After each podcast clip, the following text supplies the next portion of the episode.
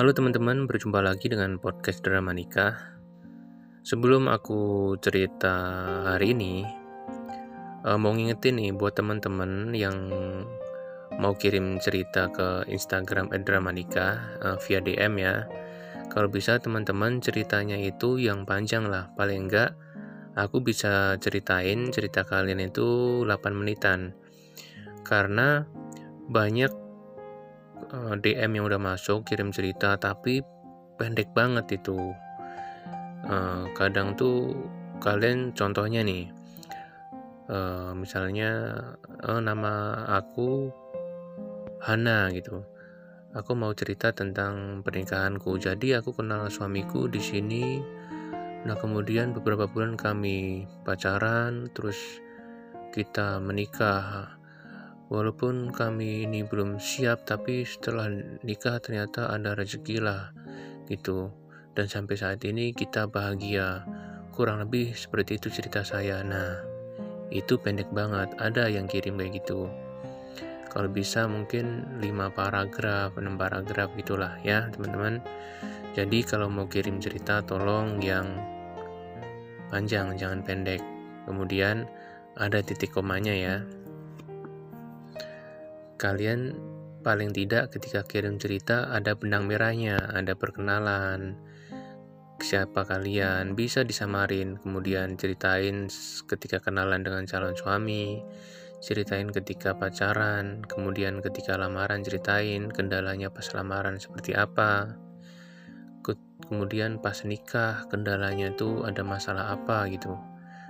Kemudian ketika sudah berumah tangga, mungkin ada masalah dengan mertua, dengan suami, teman-teman bisa jabarin tuh cerita kalian, oke?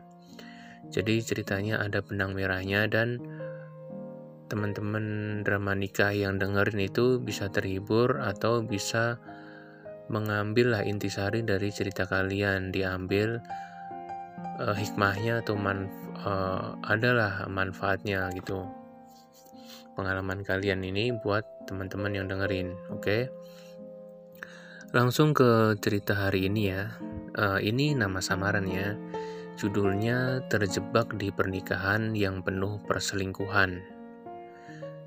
Nama aku adalah Mawar. Aku nikah di usia 17 tahun, tepat kelas 1 SMK. Aku menikah karena ada suatu masalah yang akhirnya aku mau gak mau menikah dengan seseorang yang tidak aku cintai. Oke, sebenarnya di sini saya sempat nanya ya ke pengirimnya, ini maksudnya menikah dengan orang tidak dicintai itu apa? Jadi kata dia, dia ini dulu broken home lah, pernah kabur dari rumah kemudian tinggal bareng dengan cowok gitu. Ya sekedar tinggal bareng aja mungkin bukan serius untuk menikah ya.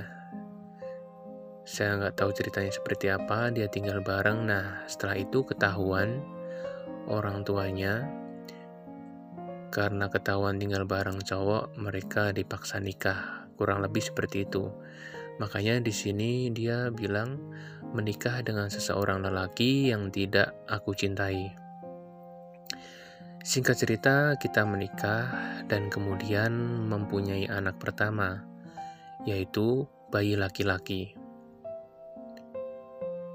Dari awal menikah, suamiku ini tidak bekerja karena memang sulit mencari pekerjaan dengan ijazah SD. Suatu hari ketika anakku usia satu tahun, aku memutuskan untuk bekerja, membantu ekonomi keluarga. Aku mencoba melamar pekerjaan ke beberapa tempat melalui email. Sekitar sebulan kemudian, ada email masuk menawarkan kerjaan. Nah, di email itu tertulis kalau aku suruh menghubungi nomor yang tertera di email.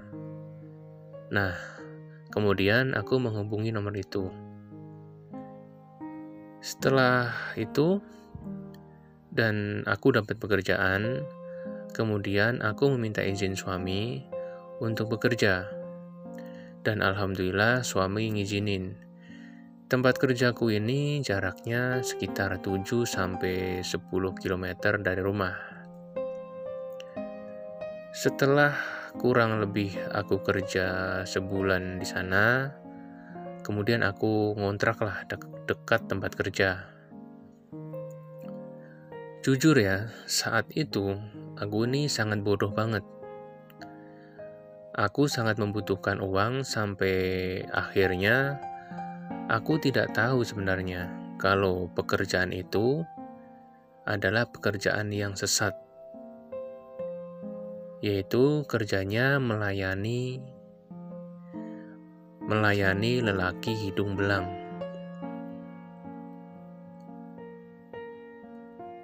Di hari pertama aku masuk kerja dan aku melayani hidung belang, aku sempat menangis karena aku merasa aku gagal menjadi istri dan aku telah mengkhianati suami dan mengkhianati pernikahanku.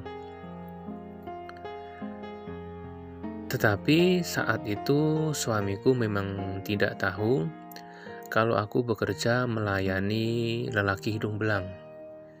Yang suami tahu, aku kerja sebagai SPG atau kasir minuman lah. Waktu itu aku takut suamiku menceraikanku, jadi aku ya bilangnya sebagai SPG atau kasir. Namun, lama-lama aku terbiasa dengan pekerjaan ini. Karena aku punya uang banyak, setiap hari dapat uang banyak, bisa bersenang-senang, tiap hari makan enak, bisa jalan-jalan, bisa happy-happy setiap hari. Pokoknya aku bisa hambur-hamburkan uang hasil zina ini. Tak terasa sudah satu tahun aku menjalani pekerjaan ini. Dan akhirnya lambat laun suamiku curiga. Dia curiga dengan pekerjaanku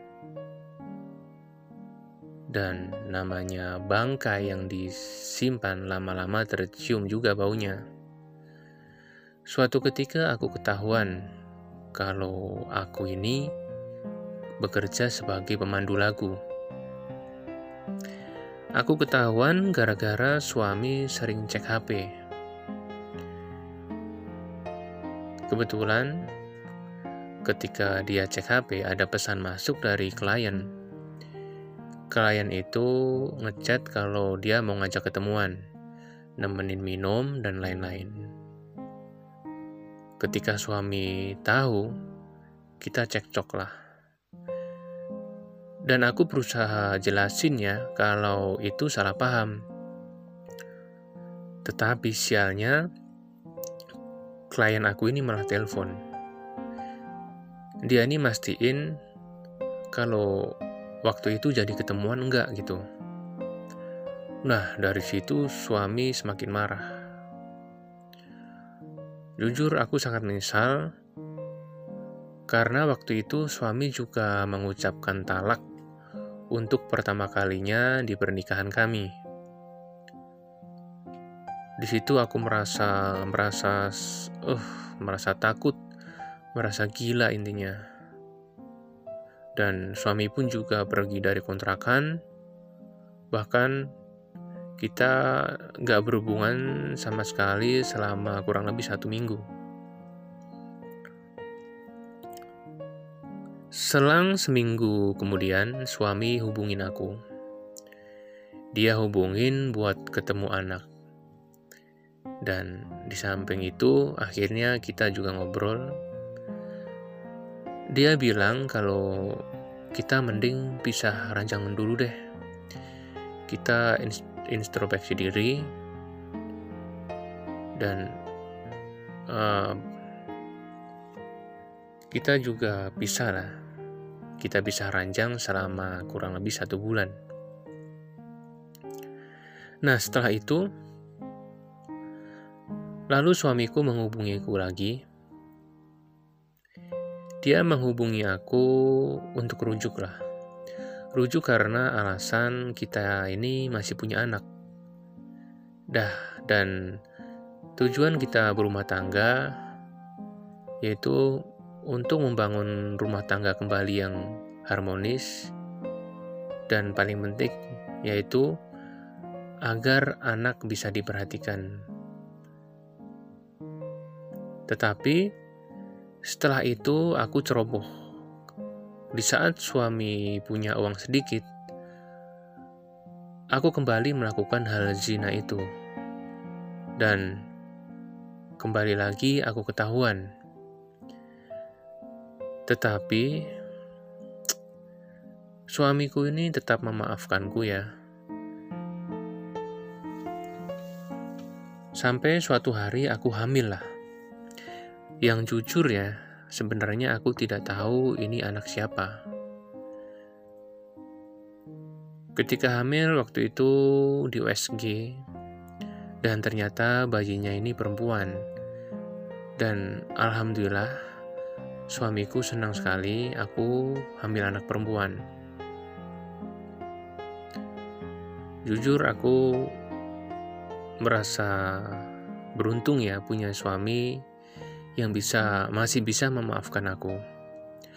Akhir dari cerita rumah tanggaku Akhir dari cerita rumah tangga aku yaitu suami dan aku membuat perjanjian di atas materai untuk aku yang tujuannya aku harus berubah tidak melakukan hal keji seperti masa lalu Aku harus menjadi wanita yang tangguh. Aku siap, aku harus siap susah maupun senang bersama suami, bagaimanapun kondisinya. Dan sekarang, kita berempat akhirnya hidup bahagia, walaupun dalam kesederhanaan. Aku saat ini menjadi ibu rumah tangga yang mengurus anak dan suami Teman-teman pendengar drama nikah, doakan aku ya. Semoga aku istiqomah menjadi wanita dan ibu yang baik dan solehah. Tetap bisa jaga rumah tangga, dan karena pernikahan ini bukan untuk dimainkan. Rumah tangga ini tetap harus dipertahankan walaupun selalu ada drama nikah di setiap cerita kehidupan ini dan pastinya entah terjadi pada keluarga aku maupun keluarga kalian, teman-teman. Oke, kurang lebih seperti itu ceritanya. Gimana pendapat kalian? Nanti tulis di komen ya, entah di Instagram atau di YouTube. Oke, sebelum saya tutup, Jangan lupa subscribe YouTube-nya Drama Nikah, follow Instagram-nya, dan ikuti terus podcast ini di Spotify. Namanya Drama Nikah. Terima kasih.